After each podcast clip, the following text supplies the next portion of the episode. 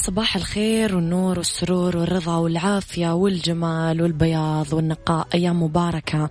نسأل الله تعالى أن يمن علينا ويكرمنا آه، برحمته وعفوه وعافيته وغفران ذنوبنا و نسأل الله تعالى كلنا آه أنه يزول عننا هذا الوباء وتروح بسرعة هذه الغمة ونعود لننعم بأحلى أيام حياتنا مجددا.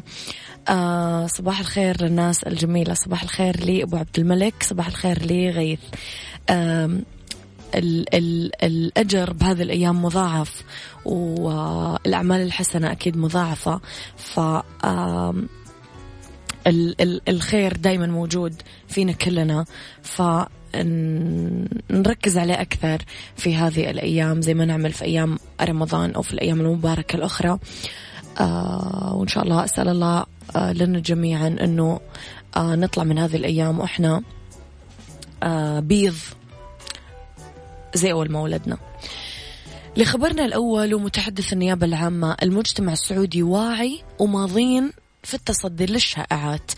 أكد المتحدث باسم النيابة العامة دكتور ماجد آه، الدساماني أنه المجتمع في غاية الانضباطية من حيث اتخاذ التدابير والاحترازات من فيروس كورونا آه، المساعد على أعدم الانجرار إلى ممارسات تنطوي على مخالفات تستوجب العقوبات النظامية قائلا. وجدنا المجتمع معينا ومساعدا في رفع الوعي النظامي. أشار إلى تحميل تطبيق آه، تباعد وتوكلنا لدليل على عمق الوعي والانضباط والانتظام بين أفراد المجتمع. أضاف أن مراعاة التعليمات المتعلقة بهالخصوص قرينة آه، رافعة لتعمد نقله وإشاعته. أوضح أن النيابة العامة باشرت وفقا لاختصاصها النظامي عدد من القضايا اللي تنطوي على جرائم معلوماتية. آه طبعا تضمنت نشر شائعات بث هلع وأكد أنها ماضية في التصدي لمثل هذه الشائعات بكل حزم وفقا لاختصاصاتها أيضا شدد على أهمية التباعد عما يخالف الأنظمة والتعليمات المتعلقة بمكافحة هذه الجائحة وعلى رأسها الحذر من نشر الشائعات والهلع ومخالفة الإجراءات الاحترازية وعدم الانسياق وراء معلومات مجهولة المصدر هدفها زعزعة الثقة في الجهود المبذولة اللي تقوم فيها الأجهزة الحكومية.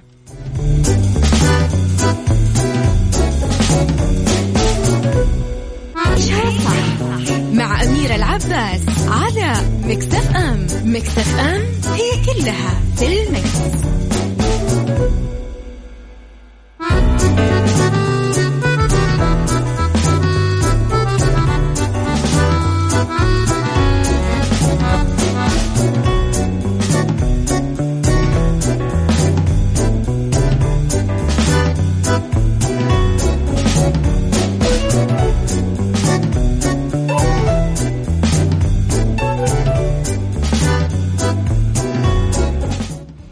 لخبرنا الثاني وصناع فيلم The Walking Dead كورونا يجعله أفضل. ذكر صناع مسلسل الرعب والخيال العلمي The Walking Dead أنه وباء كورونا راح يفيد الفيلم المقتبس عن أحداث المسلسل. وأعلن طرح فيلم مستوحى من The Walking Dead لأول مرة في نوفمبر عام 2018 بعد انسحاب الممثل أندرو لينكولن عن آه، دور في المسلسل واستمراره بالفيلم.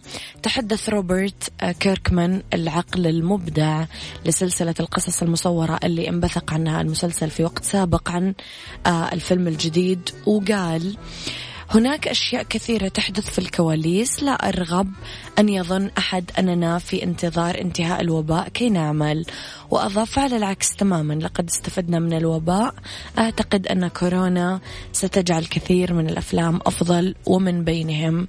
فيلم The Walking Dead لأن الوباء أتاح لنا فرصة أكبر للعمل عليه والتأكد من أن كل شيء يسير بصورة مثالية.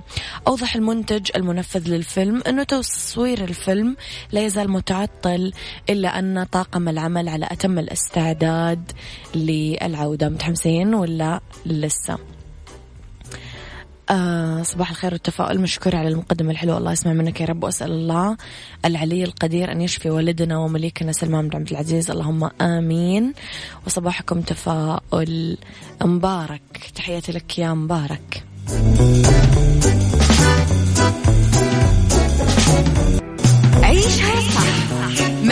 أميرة العباس على مكتف أم. مكتف أم هي كلها في المكس.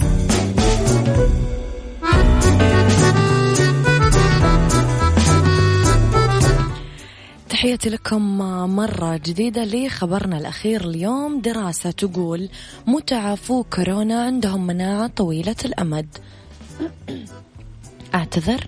آه توصلت دراسة ألمانية صينية حديثة إلى أنه مرضى كورونا يمتلكون بكثير من الحالات عدد كبير من الأجسام المضادة بصفة مستمرة قد تقيهم الإصابة بعدوى كورونا فيروس مرة ثانية.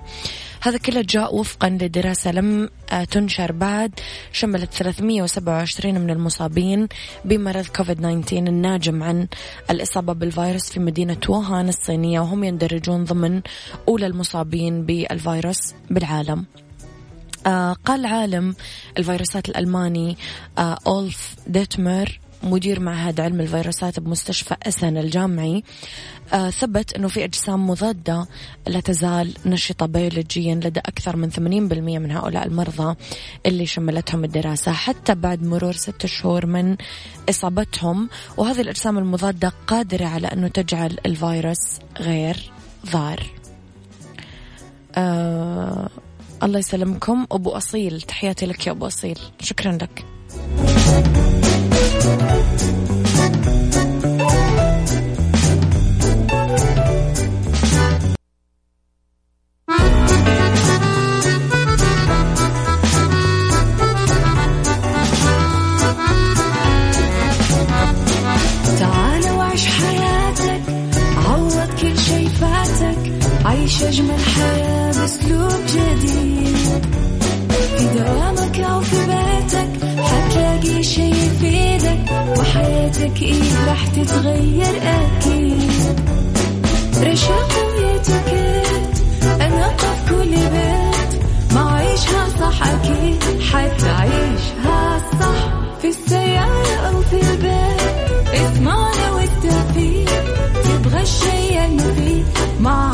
عيشها صح الآن عيشها صح مع أميرة العباس على مكتف أم مكتف أم هي كلها في المكس.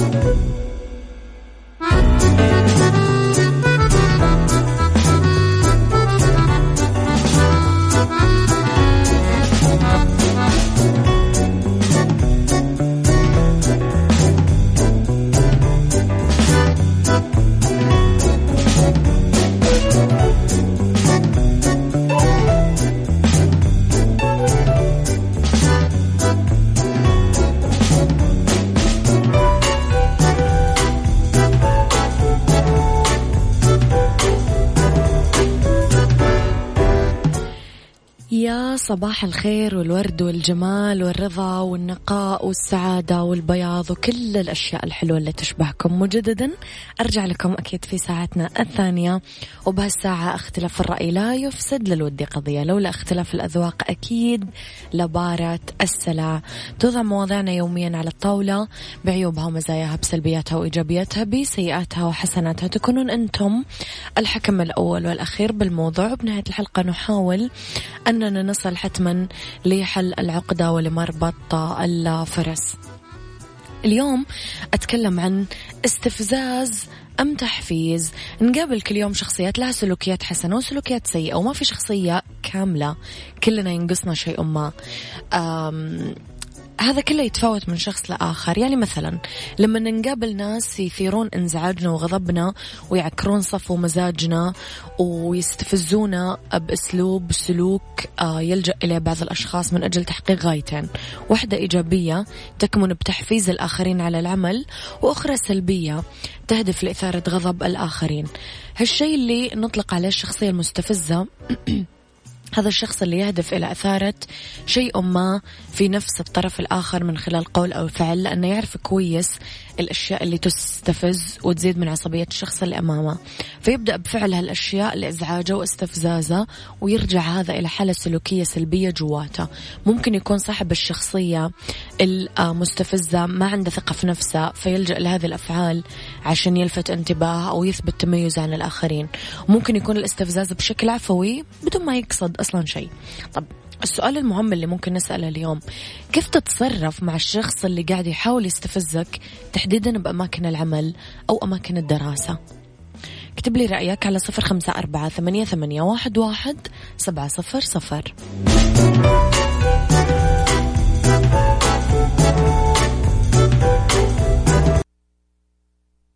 عيشها مع أميرة العباس على مكتف أم مكتف أم هي كلها في المكس.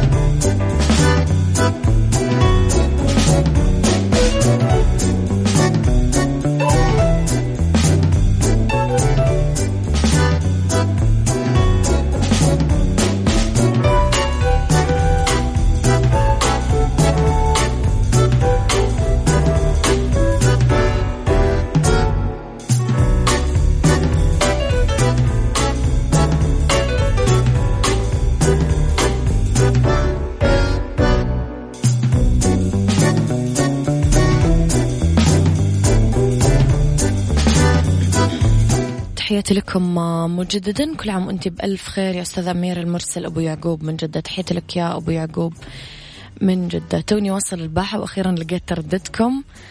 آه أبو خالد من بلجرشي. يا هلا ويا غلا ويا مرحبا. مشعل الغامدي يقول أنا عن نفسي أطنشة وبس. يتكلم على الشخص المستفز. صباح الخير يا أيها الخيرون. والكم أميرة. أوكي. إذا كان هذا المستفز بشكل مستمر وعدائي يجب مناقشته. أما إذا كان عرضي وطارئ وغير مقصود إذا ما حبينا أنه نكسب أنفسنا ولا ندع كل من هب ودب يدخل على نفسيتي ويلعب فيها ويطلع لا وألف لا. خليه يولي وادعس على حجر يرموك فيه وحلق فوق وغني لهم أنا فوق السحاب بس ما تشوفوني. خميس ومالي خلق أزعل بس لا تستفزوني. وكذا يغني لهم إياها بكرة إن شاء الله. كيف تتعاملون يا جماعة مع الشخص اللي يحاول يستفزك تحديدا بأماكن العمل والدراسة؟ يعني بالعربي أشخاص مفروضين عليكم وإلى حد كبير لازم تكون علاقتكم فيها كوي علاقتكم فيهم كويسة بحكم المكان اللي أنتم فيه مثلا زملائكم بالدراسة أو زملائكم بالعمل. كيف تتعاملون معاهم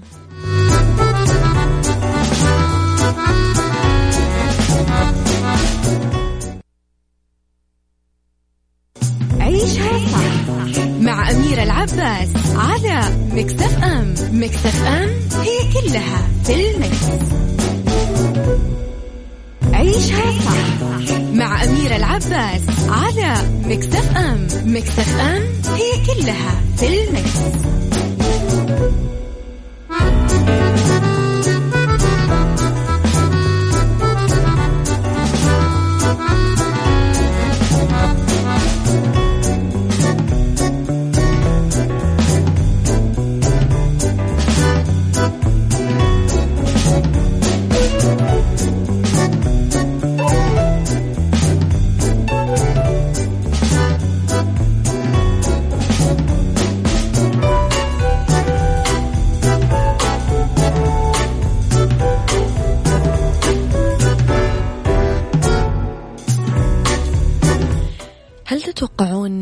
فئة المستفزين اللي موجودين بحياتنا هل تتوقعون أنه ما في طرق نقدر نتعامل معاهم فيها؟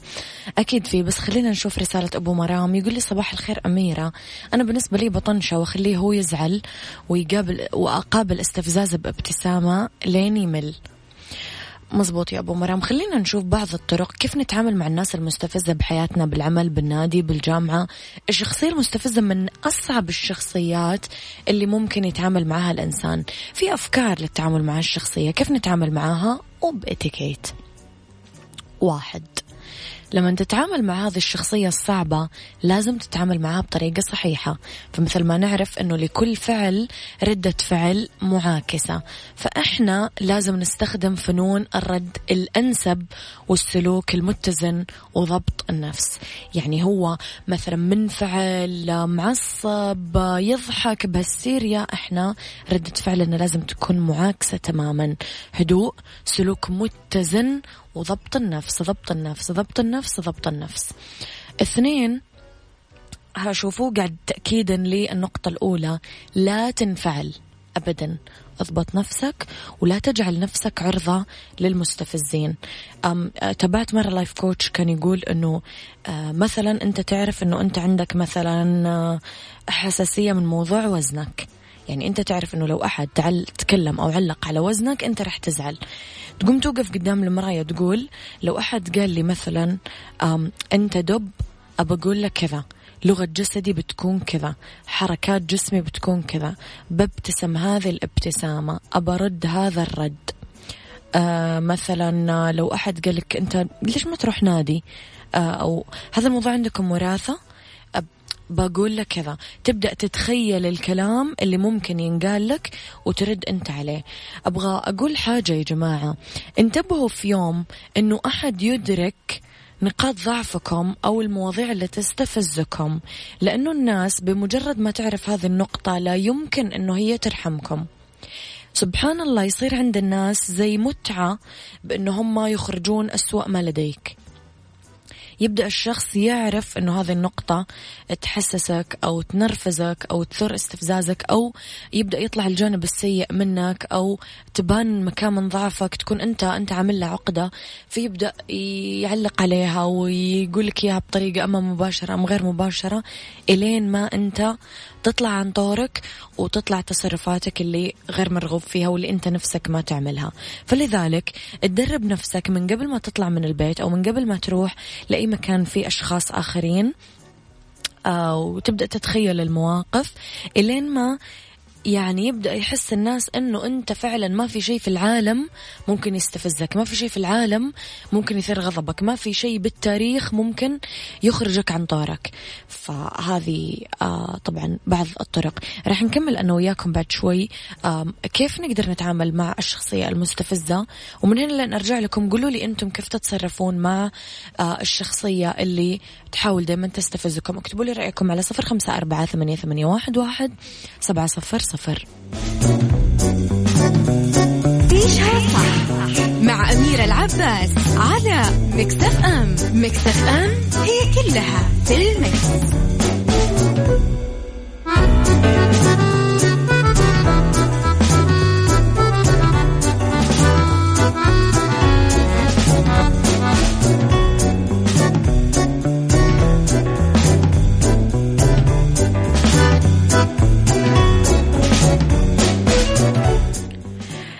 تحياتي لكم مرة جديدة واحدة من رسائلكم. السلام عليكم أستاذ أميرة. موضوعك جدا ممتاز لأنه أنا عصبي ولساني فالت. لما أقابل ذي العينات المنرفزة ما أوسخهم وفي الغالب. فعلا أفقد أعصابي أفيدينا مشكورة. خالد القاضي. طيب خالد آه زي ما قلت لك قبل شوي لازم ما حد يعرف إيش المواضيع اللي أنت تستفزك. هذا واحد. تضبط آه ردات فعلك وما تخلي نفسك عرضة للمستفزين لأنه إذا أنت تحسب أنه إذا أنت صرخت عليهم أو سبيتهم فهم بيهدون بالعكس. يعني هم راح يزيدون ويزيدون ويزيدون. وراح توصل معاهم لمكان تلاقي نفسك فيه. انت صرت مو بمكانك ولا استفدت شيء ولا هم سكتوا ولا انت اخذت حقك. ف آه قلنا في البداية النصيحة الأولى لما تتعامل مع هذه الشخصية فاعمل ردة فعل معاكسة الشيء الثاني لا تنفعل واضبط نفسك. النصيحة الثالثة أوثق بنفسك أنه عندك القدرة على ضبط انفعالاتك وتدرب على ذلك. يعني ما يحس اللي قدامك أنه في شيء يستفزك ويشعرك بالنقص. بعدها خلي السعادة هدفك الأول. مو مسموح لولا واحد يعكر عليك مزاجك بسبب كلمات بسيطة. الحياة أبسط من ذلك. قول أنا رايح أنبسط. ما في أحد راح أسمح له إنه ينكد علي. يا جماعة هذه قاعدة أنا طبقتها لأنه أنا كنت مرة سهل أتنكد وأخسر سهرة حلوة أو أخسر عشاء ممتع أو أخسر قعدة يعني مرتبة وفيها ناس أحبها بسبب أحد. نرفزني أو قهرني. صرت لا أقول أنا رايحة أنبسط. ما في أحد رح يقدر ينكد علي اليوم. صرت فعلا أعمل كذا. وصار فعلا يصير كذا. فدائما يقول لك إنه ما تفكر فيه يتجلى أمامك. التفحص هي النقطة القادمة. ليس الجميع مقصدهم استفزازك. ممكن يكون يا جماعة فعلا عن غير قصد. وأيضا ممكن يكون الموضوع أنه هو شخص ما عنده أسلوب. مو الموضوع يخصك أنت. يعني لا تاخذ الموضوع شخصي تماما شخصا على نفسك أنت تطبق على نفسك أنت. ممكن يكون هو شخص ما عنده أسلوب أو استفزك فعلا بس ما يقصد. وهذه تحصل كثير أنا كنت كثير أظلم ناس أقول هم متقصدين يستفزوني أو أقول ما يحبوني أو يغارون مني أو اللي هو. فلا مو دايما صح. إذا كان أسلوبه بس معاك أنت كذا أوكي. هنا لازم أنت تركز على ذاتك. تحاول إنك تتجنب إنك تكون شخصية أنفعالية. تدرب نفسك على الاتزان تضبط ردودك الانفعالية والمتسرعة. نتعلم أسلوب الحوار ومهارات الحديث. زي ما قلنا نتدرب إيش نرد وكيف نحاور وإيش ممكن نقول بهذه المواقف. آخر شيء. طب أنت تقولين ردوا. إيوه. الهدوء في الردود. أنت مو مجبر على الرد على كل الأسئلة. أتذكر كمان مرة life coach قالت لي آم آم مو قالت لي أنا شخصيا كانت هي تقول يعني في سناب شاتها إنه إذا أحد سألك سؤال فاجأك يعني والسؤال اقتحم فيه مساحتك الخاصة يعني أم ف يعني كذا صدمة كون لخمت ما أنت عارف ترد عليه. مثلا واحد قال لك إنه كم راتبك؟ فأنت تطالع فيه وتبتسم تقول له ليش تسأل؟ مثلا يقول لك لا بس أبغى أعرف. ليش تبغى تعرف؟ يعني لازم تقول له إنه ليش تسأل؟ أو ليش تبغى تعرف؟ إيش راح تستفيد لو عرفت؟ طيب أنت لو عرفت إيش راح يتغير بحياتك؟ وهكذا مط الموضوع إلين يتغير الموضوع تماما. وكن هادي مبتسم وتأكد إنه أنت ما أنت مجبور في النهاية ترد على كل الأسئلة. إن زنقت والله بزاوية معلش أنا مو حابب أرد على هذا السؤال. أو غير الموضوع. أنت كم راتبك؟ أم أم ليش ما تزوجت لسه؟ أنت أصلا ليش تزوجت؟ ليش ما جبتم عيال؟ انت ليش ما جبت عيال؟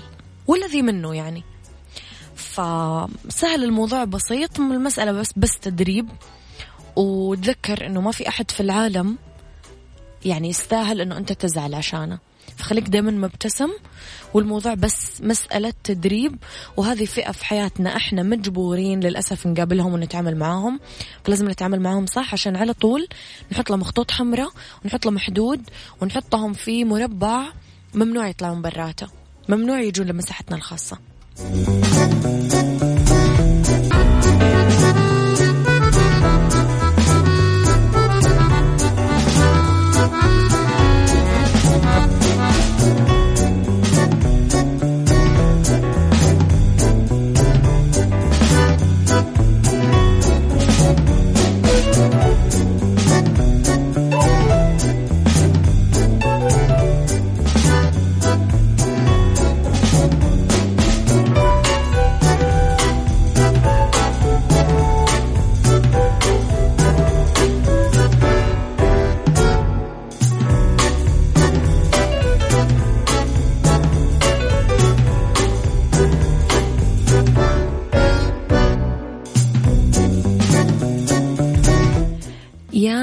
الخير والرضا والجمال والسعادة وكل الأشياء الحلوة. أولى ساعات المساء آخر ساعات برنامج عيشها صح. تحياتي لكم فيها. وين ما كنتم بهالساعة نتكلم أنا وياكم اليوم عن بالدنيا صحتك وطرق للوقاية من الإصابة بحروق الشمس للحجاج. وفي اتيكيت آه اتيكيت تناول السندوتشات برا البيت. وفي Mix Kitchen عصير الرمان بالحليب. دائما تقدرون تسمعونا حتى لو ما كنتم بسياراتكم على تطبيق Mix FM على Android أو iOS تحملونه من Google Play أو App Store اذا أيضا تقدرون تتواصلون معنا على رقم الواتساب ترسلوا لي رسائلكم الحلوة. Mix FM اكو تسمعك على صفر خمسة أربعة ثمانية, ثمانية واحد, واحد سبعة صفر صفر. أما على آه حساباتنا في مواقع التواصل الاجتماعي في كل جديدنا آخر أخبار الإذاعة والمذيعين آه تغطيتنا الداخلية والخارجية آه على at Mix FM Radio تويتر سناب شات إنستغرام وكمان فيسبوك. خليكم على السماع. بالدنيا صحتك مع أمير العباس في عيشها صح على Mix FM Mix FM it's all in the mix.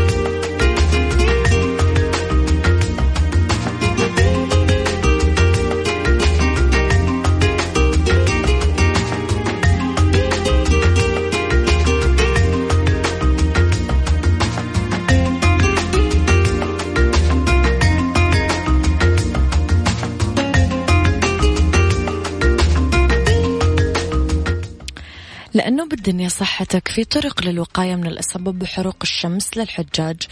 آه تحدث الحروق الجلدية لما يتعرض الجلد لأشعة الشمس الحارقة لمدة طويلة فيبدأ يصاب الجلد بالالتهاب والإحمرار وهذا كله يشاهد في بعض الحجاج بالأماكن المكشوفة أو المعرضة للشمس من أجسامهم. بس في الحروق الشمسية الشديدة تبدأ تظهر فقاعات مائية على الجلد وممكن تكون كثير مؤلمة. الجدير بالذكر أنه بعض الأشخاص يتعرضون أكثر من غيرهم للإصابة بالحروق الشمسية لا سيما أصحاب البشرة البيضاء والقادمين من البلاد اللي مناخها معتدل. للوقاية ممكن أول شيء نستخدم المظلات الشمسية باستمرار خلال ذروة سطوع الشمس لا سيما ما بين العشرة إلى الثلاثة بعد الظهر. نتجنب كشف الجسم إلا بقدر ما تتطلبه مناسك الحج والعمرة. آه ممكن نستخدم الكريمات أو المراهم للوقاية من الشمس سمبلوك مثلا وخلافه واقي شمسي. آه تقوم معالجة الحروق الشمسية على أننا نستخدم كمادات باردة وكريمات ملطفة ولما تصير في فقاعات مائية يجب عدم العبث فيها حتى لا تنفجر. فإذا انفجرت لابد أنه ندهنها بمضاد حيوي موضعي بس لما يشتد المرض لابد على طول أكيد أنه أنتم ترجعون طبيب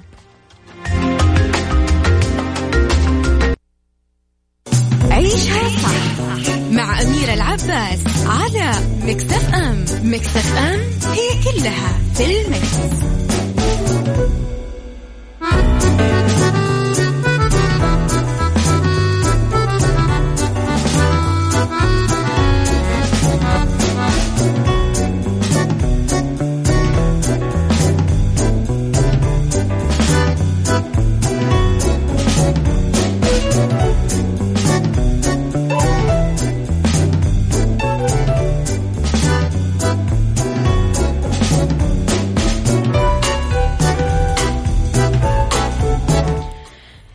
مساكم وين ما كنتم تحياتي لكم وين ما كنتم ارحب فيكم. في الفقرة هذه رح نتكلم على كيف نقدر ناكل سندوتشات وإحنا برا البيت.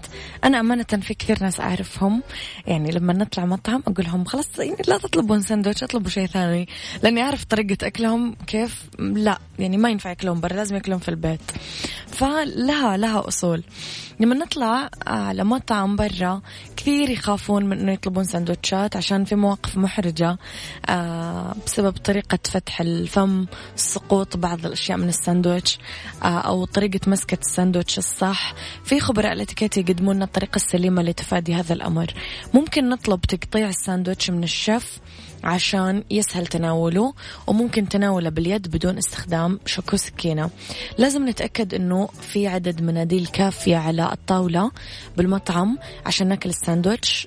خاصة أنه أغلب الأطعمة السريعة والوجبات بالمطاعم تتقدم معها كثير صوصات وينحط فيها كثير أشياء فطبيعي أنه نبدأ نلغوص يعني.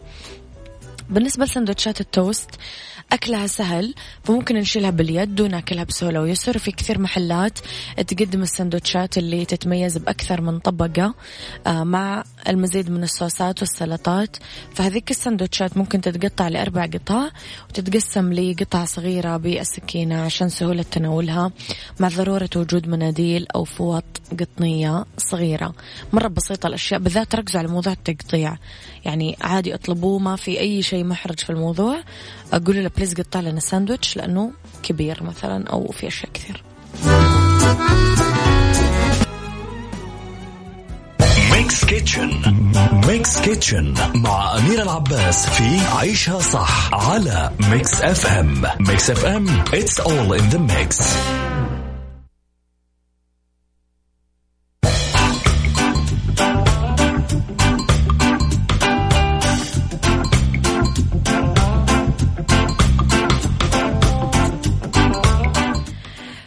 Mix Kitchen أنا وياكم نتكلم على عصير الرمان بالحليب. مدة آه، تحضير عشرين دقيقة ويكفي الأربع أشخاص. مشروب الرمان بالحليب واحد من أكثر المشاريب آه، اللذيذة. وعصير صيفي منعش ومفيد آه، عشان حرارة الجو. راح نجيب أول شيء كوب شراب مركز رمان. حليب أربع أكواب باردة. زبادي نص كوب. موية كوب. وسكر أربع ملاعق كبيرة. الطريقة بإبريق الخلاط نضع الماء والحليب البارد السكر والزبادي وشرب الرمان. نشغل الخلاط على سرعة متوسطة إلى تختلط المكونات ويتكون الشراب. راح يتوزع الشراب بالكاسات ويتقدم. بارد وبالعافية. هذا كان وقتي معاكم. كونوا بخير واسمعوا صح من الأحد للخميس من عشرة الصباح لوحدة الظهر. كنت معاكم من وراء المايك والكنترول. أنا أمير العباس.